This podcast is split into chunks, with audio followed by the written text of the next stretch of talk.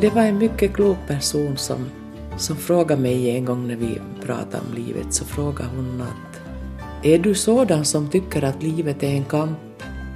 Och det var ju någonting jag aldrig har tänkt på, men jag har förstått det sen att det är nog så som jag har fungerat. Det har aldrig varit ett stort nöje eller eh, trevligt, att det är någonting jag har lärt mig senare. Att man behöver inte kämpa hela tiden. Men klart att det finns där nog. Marita Gleisner är författare och det är henne ni nu ska få träffa i ett samtal om livet. Mitt namn är Ann-Sofie Sandström. Jag besökte Marita Gleisner i Vassor en dag i februari när fåglarna kvittrade och man nästan trodde att det snart skulle bli vår. Hej! I huset som jag hittade utan större problem med hjälp av Maritas beskrivningar bor också Maritas make Bernt, som hon har varit gift med i 19 år, och katten Kiara, som jag har sett massor av fina bilder av på Facebook. Hej Kissy! Hej! Jag har läst några av Marita Gleisners böcker, men det är inte dem vi i första hand ska prata om idag, utan jag är intresserad av hur det kom sig att hon alls blev författare och vad allt hon hann göra före hon började skriva. Och så hade jag också tänkt att vi skulle prata en del om hur hon idag ser på sina olika livsval. Kom in längst Nej, hon kom inte in och jag ska ta och titta.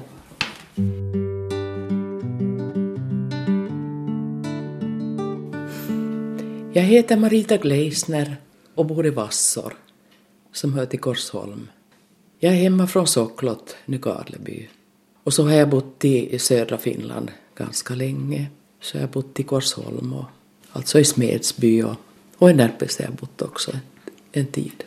När Marita var liten och bodde i Soklot, hur var hon då? Jag var mycket tystlåten och jag tror inte att, att jag pratade mycket alls de där två första åren när jag gick i skolan. Jag hade, eh, hade sex yngre syskon, men, men jag hade inga lekkamrater. Det fanns inte någon jämnårig som jag kommer inte ihåg att jag skulle ha, ha haft några lekkamrater utom på sommaren när kusiner kom till granngården. Så jag var ganska ensam sådär som barn. Det var nog en liten chock att börja i skolan. Jag är precis för, född efter kriget och, och det var ju så att det fanns ju inte riktigt pulpeter och stolar åt alla heller när man började i skolan. Kanske 46 att det var ännu, ännu flera då, jag minns inte riktigt så noga men jag kan inte minnas att jag skulle ha pratat överhuvudtaget i skolan de där första åren. Och, och sen har det visat sig att jag lider av dyslexi. Det har jag först kommit på de här senare åren men att egentligen har det inte hindrat mig på något vis. Det tog kanske lite längre innan jag lärde mig läsa. Men jag hade en mycket förstående lärarinna så hon såg nog att jag var tystlåten och ensam och hon lät mig hållas. Jag som själv alltid har varit en mycket pratsam person så jag fascineras av det här att Marita säger att hon var så hemskt tyst. Vad rör sig i huvudet på ett barn som är tyst? Man tänker nog ganska mycket och iakttar. Jag minns att jag, att jag nog värderar ganska mycket både ett och annat. Det var ju nog helt annorlunda att vara född så där efter kriget. Det är, det är svårt att tänka sig det idag. För det, det är för mig också svårt att tänka på det, hur det riktigt var. Gick Marita då som liten alltså fundera på hur livet skulle bli sen när hon blev stor? Jag tänkte på att jag ska, att jag ska ut i livet. Jag hade en väldigt stor lust att, att flytta bort från, från Socklot. Jag minns det. Från hur tidigt ungefär? Ja, redan innan jag började skolan så tänkte jag att, att jag kan inte stanna här på en plats. Jag har alltid varit sån att jag har velat se världen och jag läste mycket i tidningarna sen om vart tänkte du att du skulle fara då? Vad var, det här, vad var no, den här stora världen som du tänkte på? No, jag visste inte vart jag skulle fara eftersom jag inte hade varit någonstans. Men jag visste bara att jag ville ut och träffa människor. Vad tänkte du att du skulle göra där ute i världen då? Jag minns inte att jag skulle ha, ha tänkt så mycket på det. Jag hade ju tänkt nog gå i samskola och, och läsa till student men, men det blev det inget av. Varför inte det då? No, jag fick helt enkelt inte gå. Jag var ju flicka och men det där, jag tyckte det skulle ha varit roligt att bli läkare eller skö, sköterska, men det sa jag väl inte åt någon. Men, men jag skulle absolut ha velat gå i, i samskolan som det hette då. Jag hade säkert fått bli frielev eftersom vi var så många barn. Om jag hade gått i samskolan har jag förstått. Så det kan inte ha varit enbart pengarna som avgjorde det. Det kan det inte. Var du hemskt ledsen med den där saken då när det Jo, jag var nog hemskt ledsen för det. Och säkert tror jag att mina, mina andra syskon nog gärna hade gått också. Det var ju det att man fick lära sig språk och jag tyckte om att läsa matematik. Och mamma var nog mycket angelägen om oss och det var väl det också att hon, hon var rädd om oss och ville inte att vi skulle misslyckas. Och, och jag tror det där med att, att inte gå i skolan så var det att hon, hon var rädd för att vi inte skulle klara oss. Jag tror att det var lite så. Så vad gjorde Marita Gleisner när hon inte fick gå i samskolan? Jag gick då ut skolan och, och sen, sen var jag barnflicka i Nykarleby ett år. Och efter det så sökte jag till yrkesskolan i Vasa. Jag lämnade in pappren faktiskt alldeles i smyg. Så ville de inte att du skulle få utbilda dig alls? Nej, de ville inte att jag Vad skulle skulle gå gjort då? Jag vet inte om någon hade tänkt ut. Man skulle väl gifta sig med någon bonde och få barn. Jag, jag vet inte varför det var så där. Så vart sa du du sökte till Vasa till? Till yrkesskolan. Och, och när sen kallelse kom till inträdesproverna, det var många som sökte den tiden, så alla kom inte in. Så blev jag då antagen till frisörlinjen. Vi var väl 15 som, som kom in och, och vi var långt över 100 tror jag som sökte. Oho. Så det tyckte jag var roligt i alla fall och då gick jag två år. Men försökte inte föräldrarna hindra henne från att gå i den skolan då? Nej, jag tror inte det att när jag sen då kom så var det ingen som hindrade mig. Kanske jag visade en viss bestämdhet. Hur kändes det att vara i Vasa då? Var det, Det var roligt, det var jätteroligt. Jag var, jag var näst yngst på klassen och det var äldre flickor. Vi bodde fyra stycken i rummen på internaten. I samma rum? I samma rum den tiden. Det var jätteroligt. Var du inte längre tyst hela tiden? Nej, absolut inte. Nej. Hur gammal var du då? Jag var väl 15 år när jag började. Och som 15-åring hade Marita Gleisner alltså redan hunnit vara barnflicka ett år. Det var en trevlig tid det här också att, att vara barnflicka. Jag skötte samtidigt huset där och lagade frukost åt dem och ibland middag också. Det att Marita valde att utbilda sig till frisör, var det någon sorts drömyrke i det skedet eller? Nå, egentligen inte. Det var sömmerska och, och frisör som man kunde välja mellan, eller matlinje fanns det ju också. Men, men jag ville bli, bli frisör då. Vad gjorde sig Marita Gleisner när hon hade utbildat sig till frisör? Jag for till Sibbo, till Nickby och, och jobbade där då i två år. Och Hur valde du just att föra dit? det var en som ringde till skolan och, och så sa jag genast att jag far. Det fanns inget arbete i Jakobstad eller Nykarleby.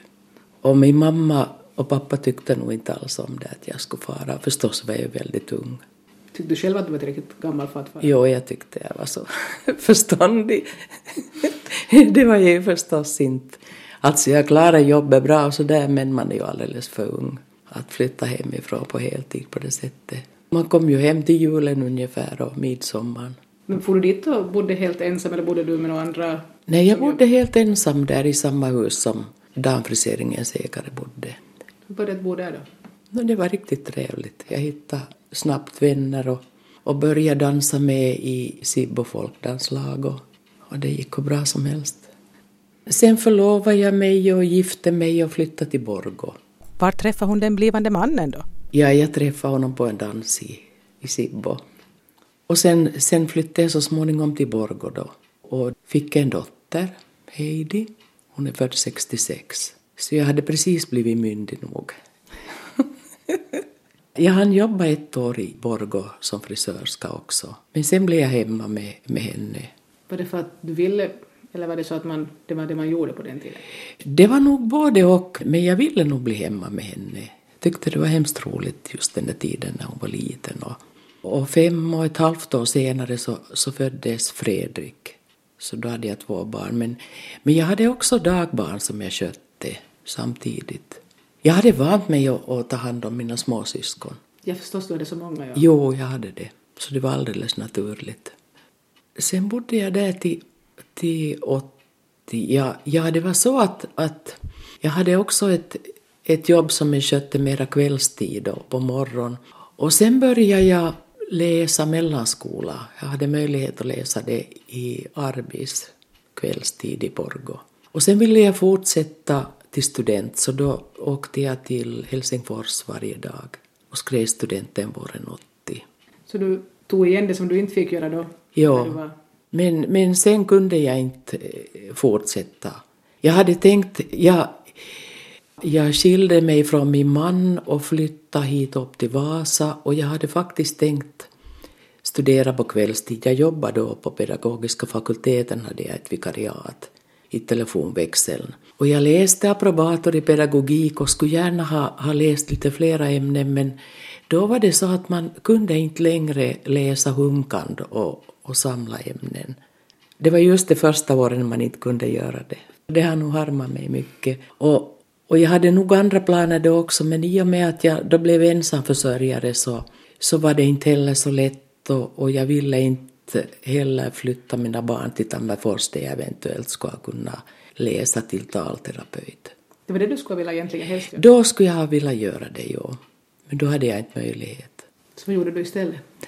Nå, jag hade det här vikariatet och sen när det var slut så kom den ordinarie tillbaka och då blev jag eh, försäljningssekreterare åt försäljare som sålde traktorer. Så du vet en hel del om traktorer då? Ja, ganska mycket. det var ganska roligt också. De var hyggliga pojkar. Men sen drogs den tjänsten in. Men en av de här, mina försäljare, så, så gick och pratade med skattebyrån och eh, skattedirektören och, och frågade om det skulle finnas arbete åt mig där. Och, och så fick jag börja arbeta på skattebyrån. Så då jobbade jag ganska länge på skattebyrån. Men sen fick jag problem med andningen för det var någonting med den här luften som kom från ventilationssystemet. Jag gick på flera undersökningar men sen måste jag helt enkelt sluta där. Men då hade jag redan börjat skriva, alltså satsa på att bli författare, så jag hade skrivit två böcker på nätterna kanske mest. Och då hade jag redan lämnat min andra man och flyttat till Smedsby. När hade han kommit in i bilden då? Han kom nog ungefär samtidigt som jag flyttade till Vasa. Men, men han, han hittade en trevligare kvinna. Så då flyttade jag till, till Smedsby och, och bodde där. Och, och det var då som jag skrev två böcker, mina två första böcker. Den randiga katten Kiara har placerat sig på bordet så vi kan beundra henne. Hon, hon sitter där och tjuvlyssnar på oss. Hur gammal är hon? Hon blir åtta år nu i, vår, men hon har ju bott bara ett år hos oss. Jag hittade henne på nätet, för en i familjen hade blivit allergisk. Så. Så hon fick, behövde ett nytt hem? Ja, hon behövde det. Och vi hade sån oerhört tur. Hon är väldigt väl uppfostrad och snäll. Hon har, ett, hon har liksom ett gott lynne. Trots att katten gärna skulle vilja ha vår uppmärksamhet så ska vi fortsätta att prata om Marita Gleisners skrivande. Och jag frågade henne när hon egentligen fick den här lusten att börja skriva. No, det, kom, det kom nog just i och med att jag flyttade ensam så hade jag möjlighet att skriva. Och sen tyckte jag också, jag var, jag var rädd för att bli deprimerad då när jag bodde ensam så jag tyckte att jag måste ordna mycket arbete åt mig. Jag hade ju varit van att göra mycket hela tiden. Och det är väl så att jag, att jag behövde en utmaning eftersom jag inte hade någon möjlighet att studera så som jag såg det. Jag hade varken råd eller, eller möjlighet. Så då tyckte jag att, att det skulle vara en bra utmaning att börja skriva och så började jag på. Och jag skrev mina två första böcker för hand, för jag hade ingen skrivmaskin. Men sen skaffade jag en, en begagnad skrivmaskin så jag skrev rent och andra boken så, när den skulle komma ut så bad förlaget att jag skulle skriva det på dator så då skaffade jag en, en dator.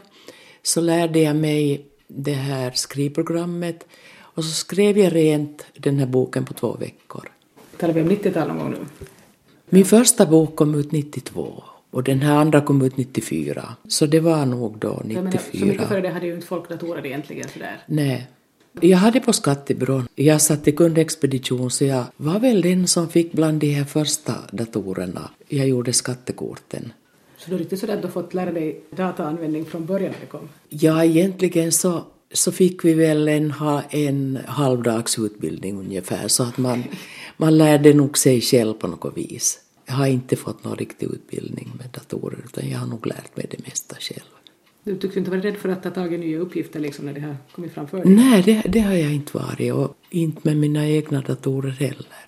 Det är klart att, att, att jag är sådan som vill göra ett bra arbete så nu, nu har jag säkert varit nervös och legat lite sömnlös nu men det är ju sånt som går över. Du var en sån där duktig? Ja, jag var en sån där duktig människa. Riktigt duktig, ja. Ja, det är obehagligt att tänka på det. Varför är det obehagligt? Du har gjort ett bra jobb säkert. Jo, jag har gjort ett bra jobb, det tycker jag nog, men, men jag tycker inte att det är så bra att vara så ordentlig och göra så bra jobb. Man borde ju lära sig att leva, leva lite tidigare i livet. Och när lärde du dig då? Nu jag håller på att lära mig. Jag försöker hela tiden att inte vara den där snälla flickan.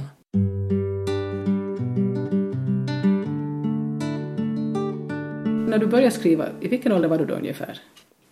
Alltså, jag är född 45 och min första bok kom ut 92. Sen senare var jag på ett seminarium i Sverige på Biskops Arnö där en ung kvinna, en förläggare, berättade om att de hade en kvinna, hon var så väldigt gammal för att debutera för hon var 40 år tror jag hon var. Och tack och lov att jag inte hörde det tidigare för jag hade aldrig tänkt på att jag var för gammal för att debutera. Hade du som tanke när du började skriva att det här ska bli en bok och det här ska ge ut eller satte du dig för att skriva för att du ville skriva? Nej, nej, jag, jag, jag tänkte att jag skulle bli författare. Mycket målmedveten. Och så tänkte jag mycket noggrant ut också vad jag skulle skriva men sen när jag började skriva så blev det ju inte så utan, utan de här människorna tog, tog sina platser själva och det blev det som kom till mig. Ibland måste jag ju stanna och försöka styra dem men, men det är nog inte så att jag kan planera en bok från början till slut utan den, den kommer nog av sig själv. Och ibland så tror jag att, att det är någon sorts eh, sorg och, och eh, kanske närmast någon sån här livssorg som jag har i mig som gör att jag skriver som jag skriver. Och det tror jag inte syns i böckerna men, men jag känner att det finns där med det jag skriver. Varifrån tror du den här livssorgen kommer? Jag vet inte, jag tror att jag alltid haft den med mig. Från det att du var en tyst liten flicka? Antagligen. Det var, det var en mycket klok person som, som frågade mig en gång när vi pratade om livet, så frågade hon att, att eh, är du sådan som tycker att livet är en kamp? Och det var ju någonting jag aldrig har tänkt på, men jag har förstått det sen att det är nog så som jag har fungerat. Det har aldrig varit ett stort nöje eller eh, trevligt, att det är någonting jag har lärt mig senare. Att man behöver inte kämpa hela tiden. Men klart att det finns där nog. Så du menar att du ganska länge, eller hemskt länge, håller på att kämpa? Ja, frågan är om inte, om inte jag kämpar fortfarande. Kanske inte mot, men med livet. Nu var det här skrivandet då ett sätt att liksom lite hantera det här? Det är möjligt att det var det, ja. Det är nog en process som är, som är svår också för mig själv att förstå. Och sen, sen brukar ju folk alltid fråga att, att varför jag började skriva. När jag uppträder så frågar folk att, att varför började du skriva? Och jag, jag har kommit på mig flera gånger med att jag nog har berättat berätta allt möjligt, liksom orsaken till varför jag började skriva, men jag har alltid berättat olika saker. Men en av de här sakerna som jag kom på en gång var det att, att jag har alltid haft lite svårt för att, att stå på mig och ge tillbaka. Att har någon sagt någonting elakt åt mig så har jag inte kunnat ge igen. Men när man skriver så gör det inte så mycket om man ska tänka till två eller tre dagar innan man kommer på ett bra svar. Det, det, finns en viss sanning i det där. I och med att jag har börjat skriva så har jag blivit snabbare att ge igen och, och säga på rätt sätt.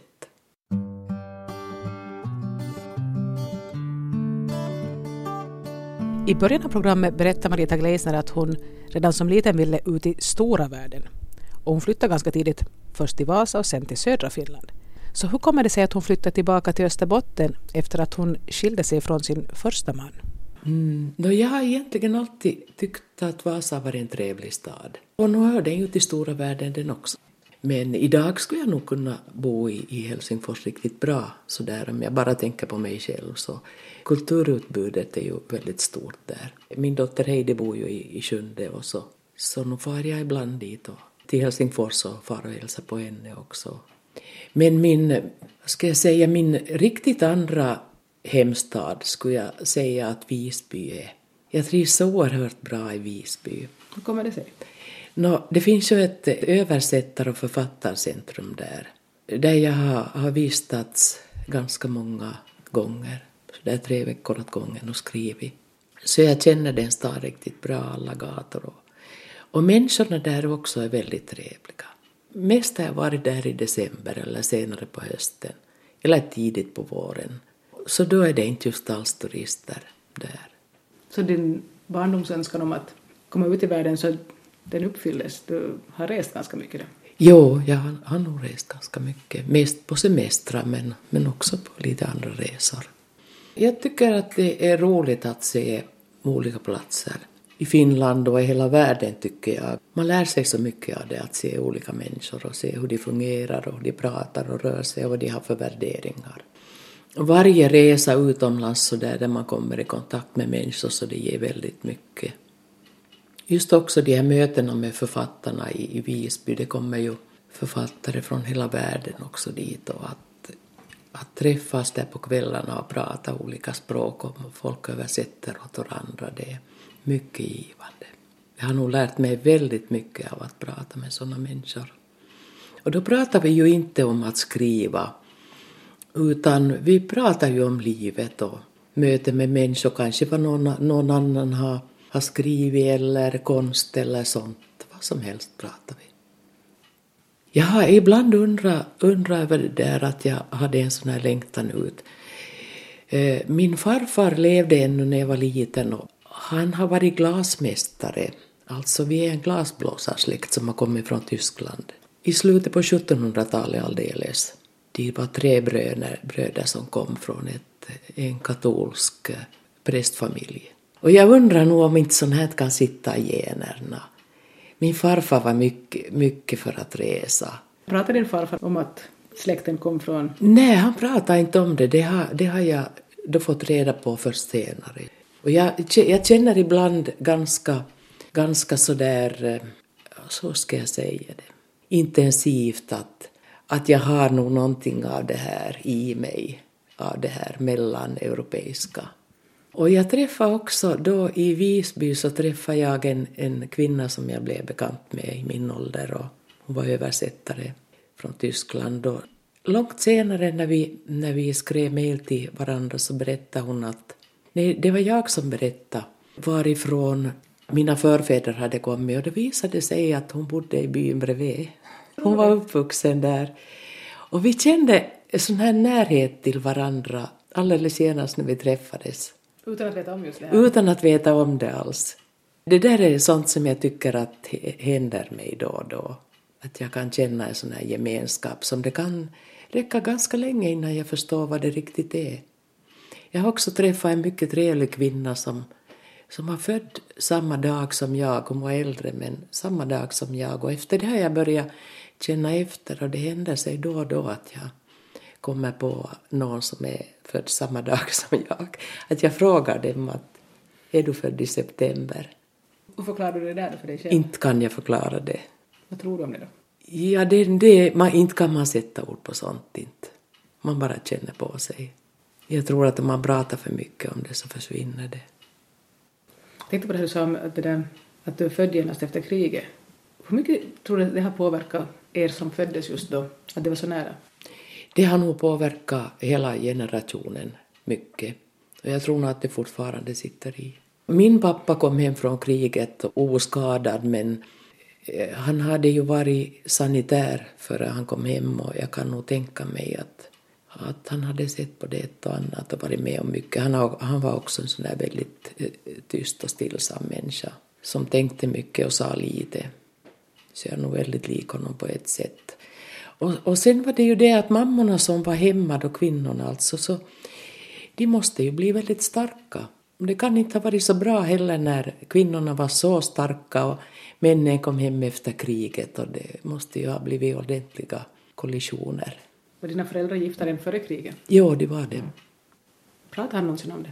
Nej, han pratade aldrig om ingenting. Att jag, jag, har läst, jag har faktiskt läst ganska mycket om krig, alla krig i Europa har jag läst mycket om.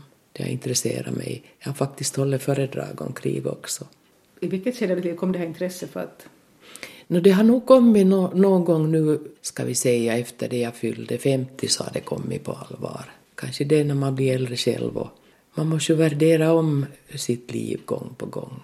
Det är ju aldrig så som man tänker att det är första gången. På något vis har jag, har jag väl inte läst det för nöjes skull någonting om krigen utan, för det kan man ju inte göra. Utan det är nog ett sätt att förstå och förstå min egen situation och den här generationens. För nu, nu tycker jag, jag vill nästan inte klara av att se på de här krigsbilderna i TV heller. Fast jag har skrivit deckare själv så vill jag inte klara av det. Det kommer för nära och blir för mycket. Och det är väl därför jag har försökt eh, läsa om det också för att på något vis hitta, hitta någon sorts nyckel. För jag, jag, tror, jag tror att det här kriget, att det har nog påverkat oss väldigt mycket. Och det jag tror att har påverkat oss allra mest är det att, att strax efter kriget skulle ju allting glömmas bort och suddas över och, och man fick inte prata om det, man gjorde inte heller, det fanns liksom inte. Det var väl naturligt då men det var inte naturligt för oss som var barn, vi kunde inte förstå vad det var som hade hänt eller varför det var si eller så men, men klart att vi kände på oss, speciellt om man var känslig. Och det var du? Och det var jag, ja. Du observerade och lyssnade istället för att... Prata. Mm. Jo. Jag frågar om Marita Gleisner tror att det finns någon koppling mellan den här livssorgen som hon nämnde tidigare och det faktum att hon är född strax efter kriget. Ja, nu är det väl, nu är det, väl det nog, ja. Och inte det ju, inte det ju enbart, inte det enbart på ont det här, inte.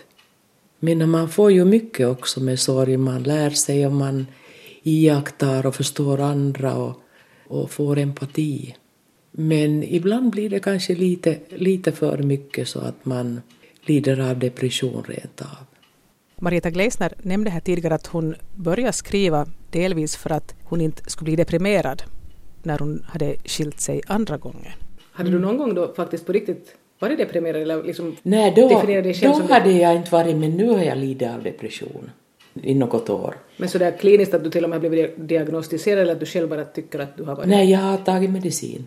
Det har hjälpt och inte hjälpt. Jag, jag hade här före julen nu så måste jag byta medicin. Tyckte det blev riktigt jobbigt. Så jag, jag tar nog fortfarande piller.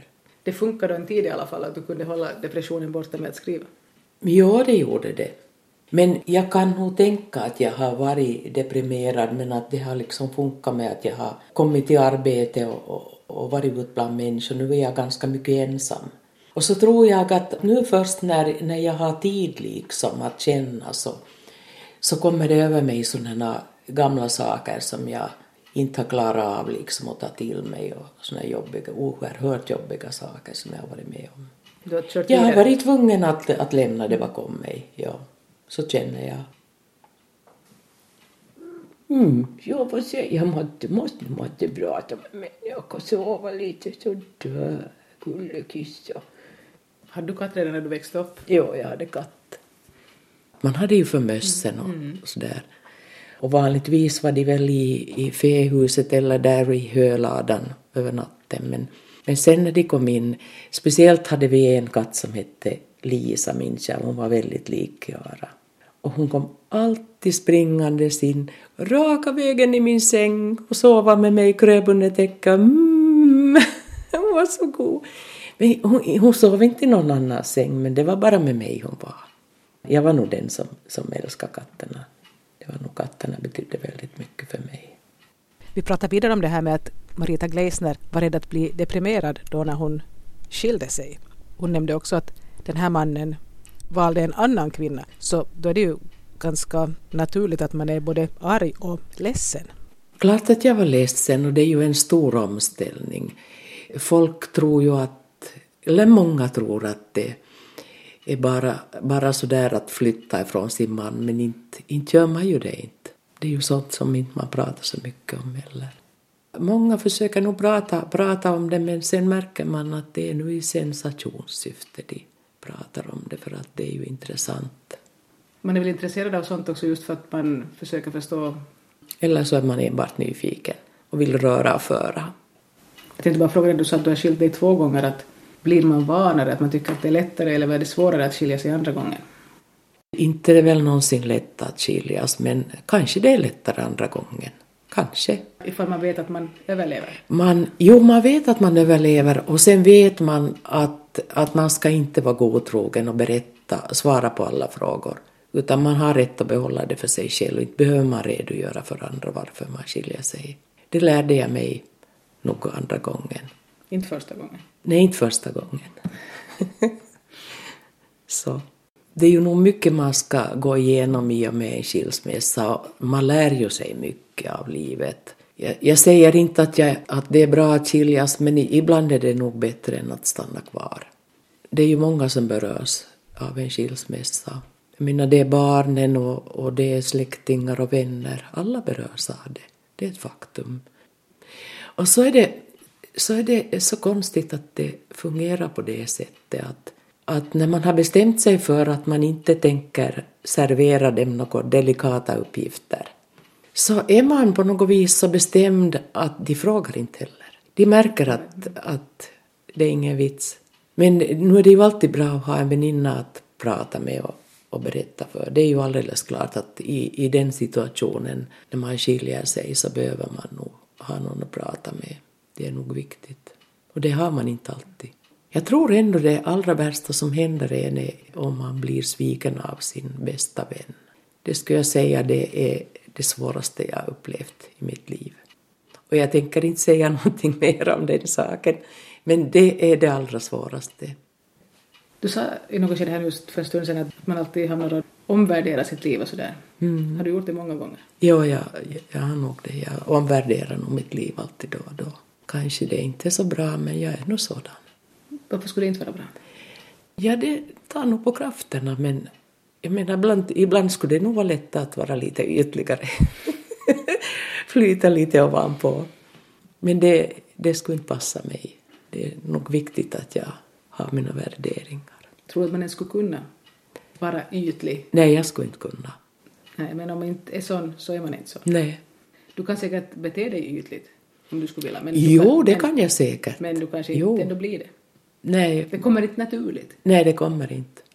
Nej, men till exempel på fester så där så kan jag ju jag blir väldigt glad på fester när det är mycket folk och trevliga människor, så då är jag glad och faktiskt riktigt, riktigt så där hjärtligt glad. Men då tänker jag ju inte på, på några djupare saker heller. Så jag kan faktiskt koppla av på det sättet, ha roligt också. Det jag saknar är, är det att man inte dansar längre. Jag skulle så tycka om att dansa. Men nu dansas det ju. Men när jag inte har någon att gå med. Nej, när han inte dansar. Det är, nog, det är nog lite synd. Det finns ju nog danskurser om han skulle vilja lära sig. Nej, han vill väl inte riktigt. Men det gör jag ju nog om jag far på Sverigebåtarna så då passar jag nog på och går och dansar ensam. Det är ju alltid människor som dansar där. Så det går ju bra. Finns det ingenstans i Vasa man gör sånt? Jag vet inte. Du har inte kollat? nu tycker man måste få dansa ifall man vill dansa. Ja, jag tycker nog det också. Man skulle, borde få. Kanske det inte skulle vara riktigt lämpligt.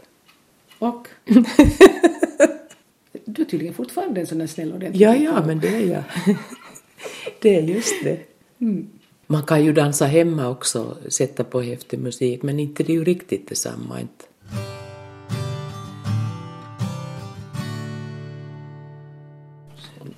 Så gullig kisse. Mm, njuter av att ligga här och lyssna på oss. Jo, hon är en sån riktig människokännare.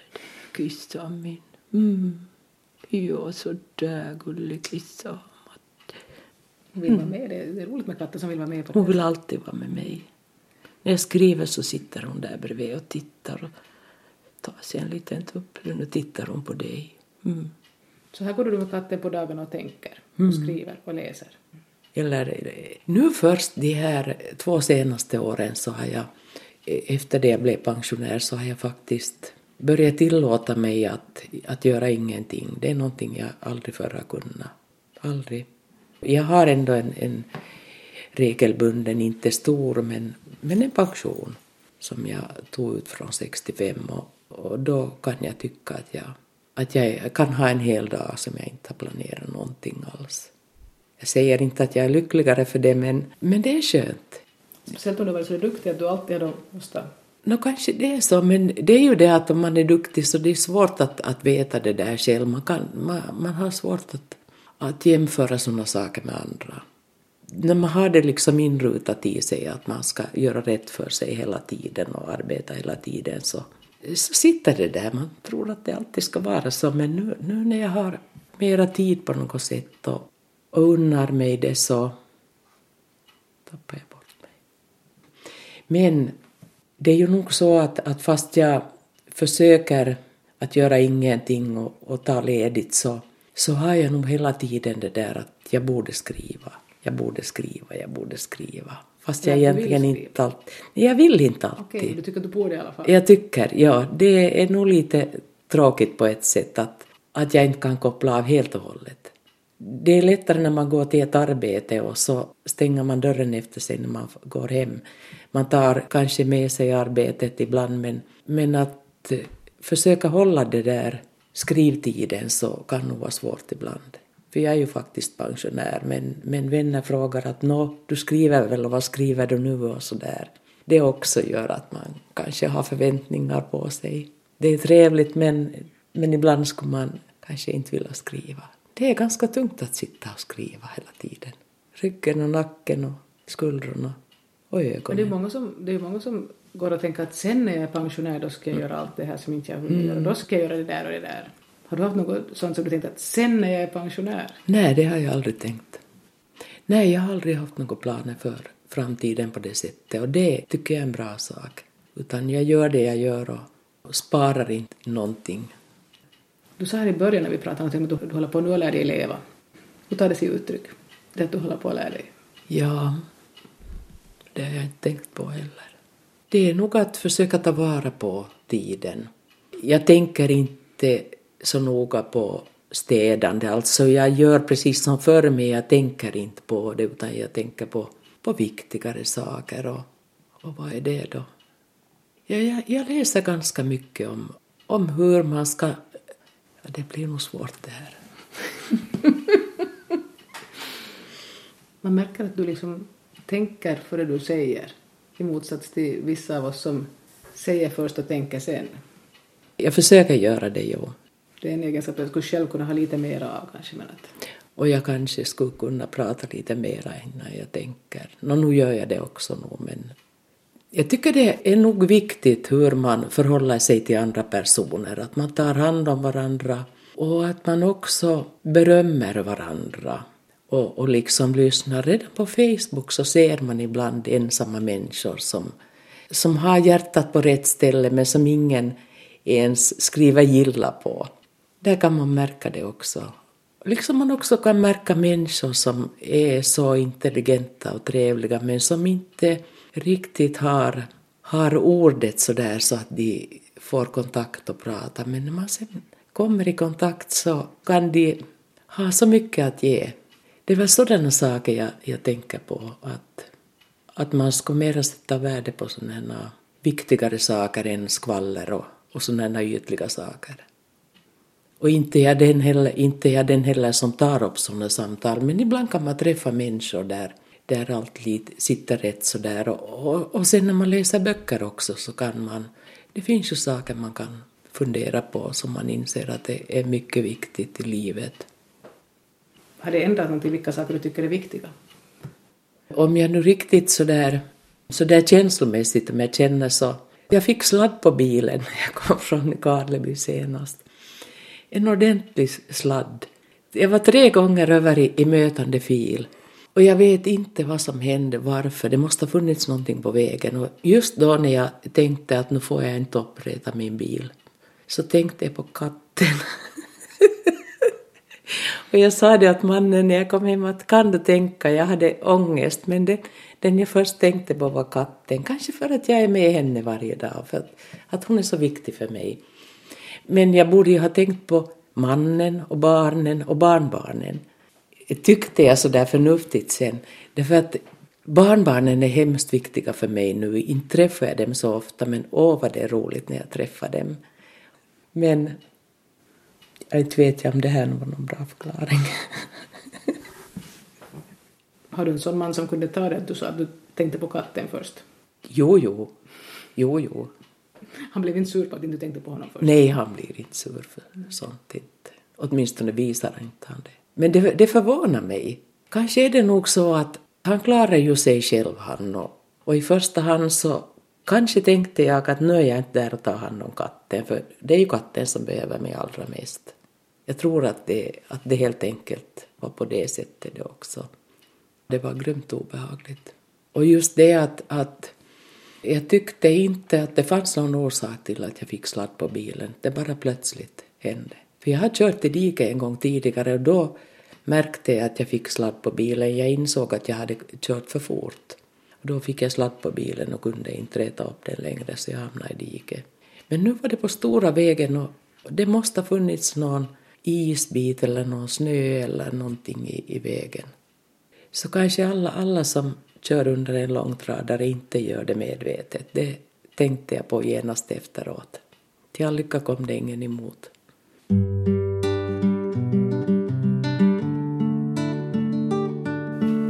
Tycker du att dina, de flesta av dina livsval har varit sådär mera medvetna och genomtänkta eller har det många gånger bara, bara blivit så? Nå, no, det nog, har nog varit både och. Det har det nog. Men eh, kanske det mesta har blivit så. Jag har, har ganska lätt för att anpassa mig. Det är väl nog så som det är att man att det finns ändå någon sorts orsak till att man gör som man gör.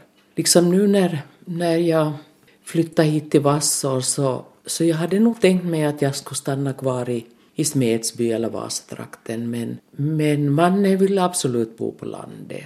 Och det är faktiskt inte så stor skillnad för mig. Och jag trivs jättebra här liksom vid huset och jag har ju en ganska stor trädgård på sommaren som jag sköter. Det tycker jag mycket om. Men det blir, ju, det blir ju tungt också så ibland tänker man att hur länge orkar man med det? Men kanske man orkar hur länge som helst. Det är så skönt på våren när solen kommer fram när man tar på sig arbetskläderna och går ut där och arbetar. Jag arbetar nog lite, lite för länge alltid. Tar för långa turer nog. Man får ju kondition också. Men viktigare är, är nog kanske det där att man tänker bra medan man arbetar. Eller man tänker kanske inte men det formulerar sig någonting där som kommer naturligt. Man löser en hel del, kanske nu inte problem men knutar och sådär genom att arbeta med händerna. Om du ser bakåt så är det något livsval som du själv tycker har varit liksom mer avgörande än andra? No, det var nog det här just när jag flyttade till södra Finland. Det var kanske det mest avgörande. Hade jag stannat i, i Soklot och Nykarleby tills jag till exempel var 30 eller någonting sånt så kan det ju hända att det ska vara svårare att flytta bort. När du for till södra Finland, visste du då att det var ett jätteviktigt steg du tog när du valde att fara till södra Finland? Eller var det bara att de råkade ringa och berätta att det här fanns och du nappade? No, det var ju det att jag hade försökt få arbete och fick inte. Så jag kunde ju ha gjort som många andra, att jag stannade hemma och gjorde ingenting. Men det var nog viktigt. Jag, jag tror på det att, att det var meningen. Det var meningen att det skulle gå så. Men vad menar Marita Gleisner när hon säger att det var meningen? Tror hon att det är någon som styr våra liv på något visst sätt eller vad är det frågan om? Det är väl ödet mera än någon som styr. Alla människor ställs inför val. Och att inte välja, så det är ju också ett val. För nu, nu får man ju, har man ju många möjligheter att välja i, livet nog. Men frågan är ju om man vågar eller inte vågar. Det har nog varit väldigt viktigt för mig att välja själv. Jag har nog kunnat följa andras råd ganska länge men sen i ett visst skede så har nog det här riktiga jaget kommit fram som ingen människa kan kuva. På det sättet fast jag är en snäll flicka så kanske jag har varit snäll så länge så att, att det i längden inte går.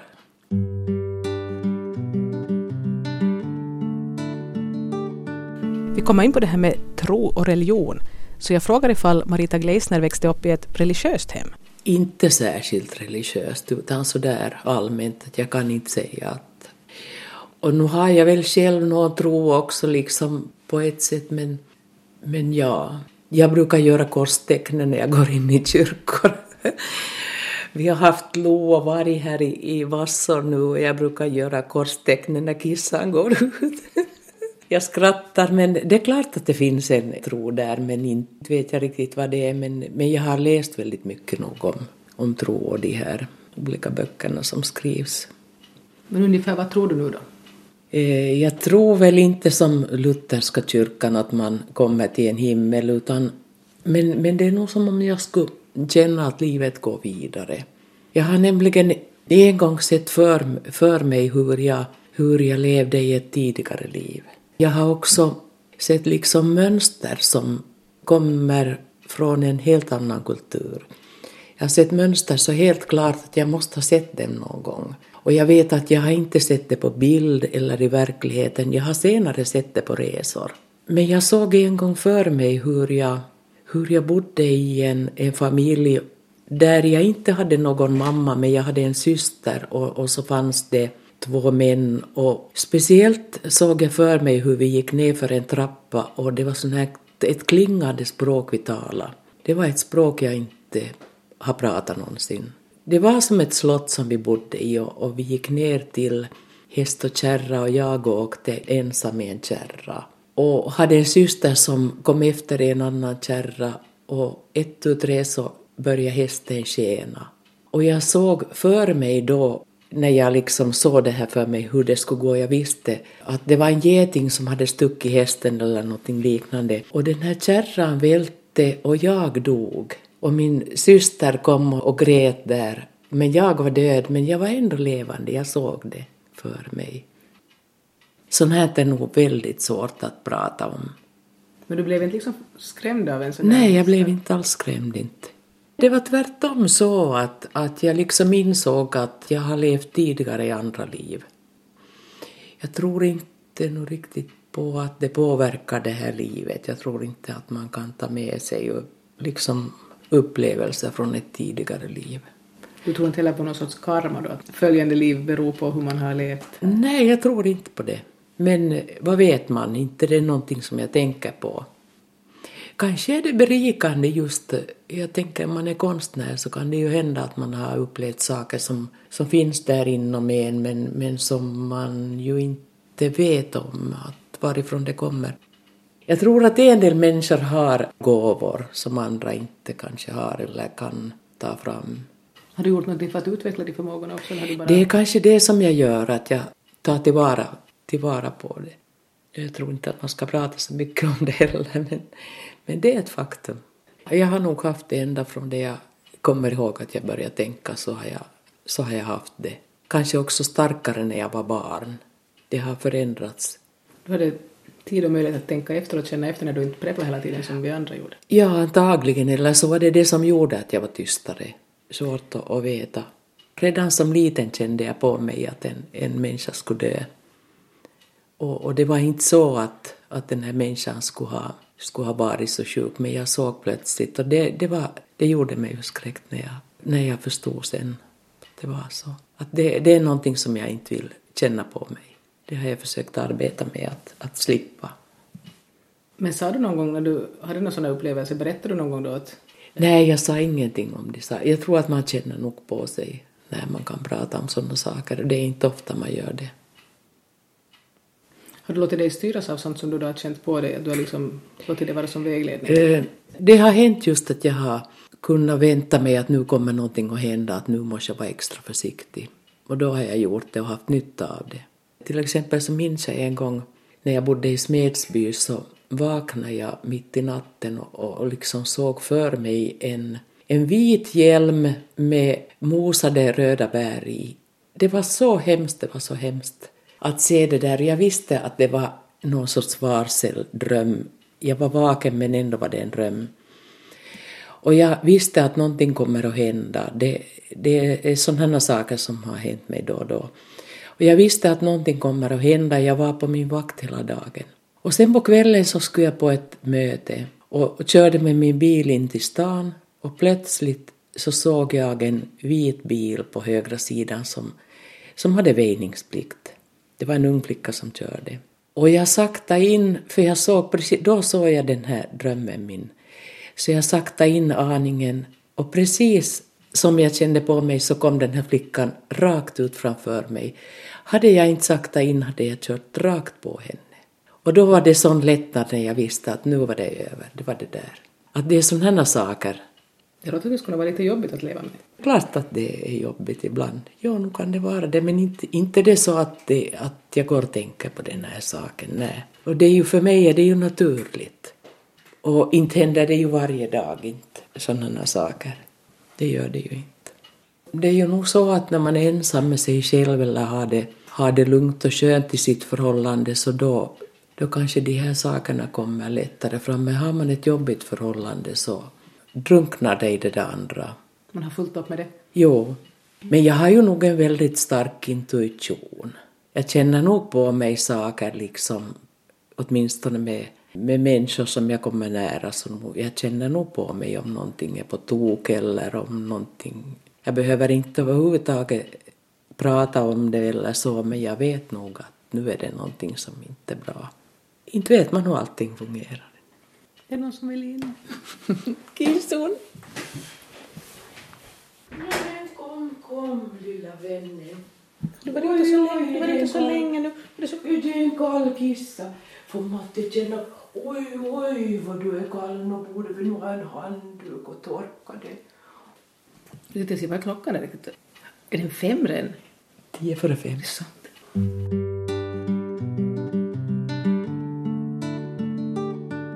Är du nöjd med ditt liv just nu? Jo, jag är nöjd med mitt liv. Ja, det är jag nog faktiskt. Är du till och med lycklig? Mm, ja, kanske det. Vissa stunder. Nej, nu är jag lycklig nog. Ja. Och det sa författaren Marita Gleisner i Vassor som ni har hört i ett samtal om livet. Mitt namn är Ann-Sofie Sandström.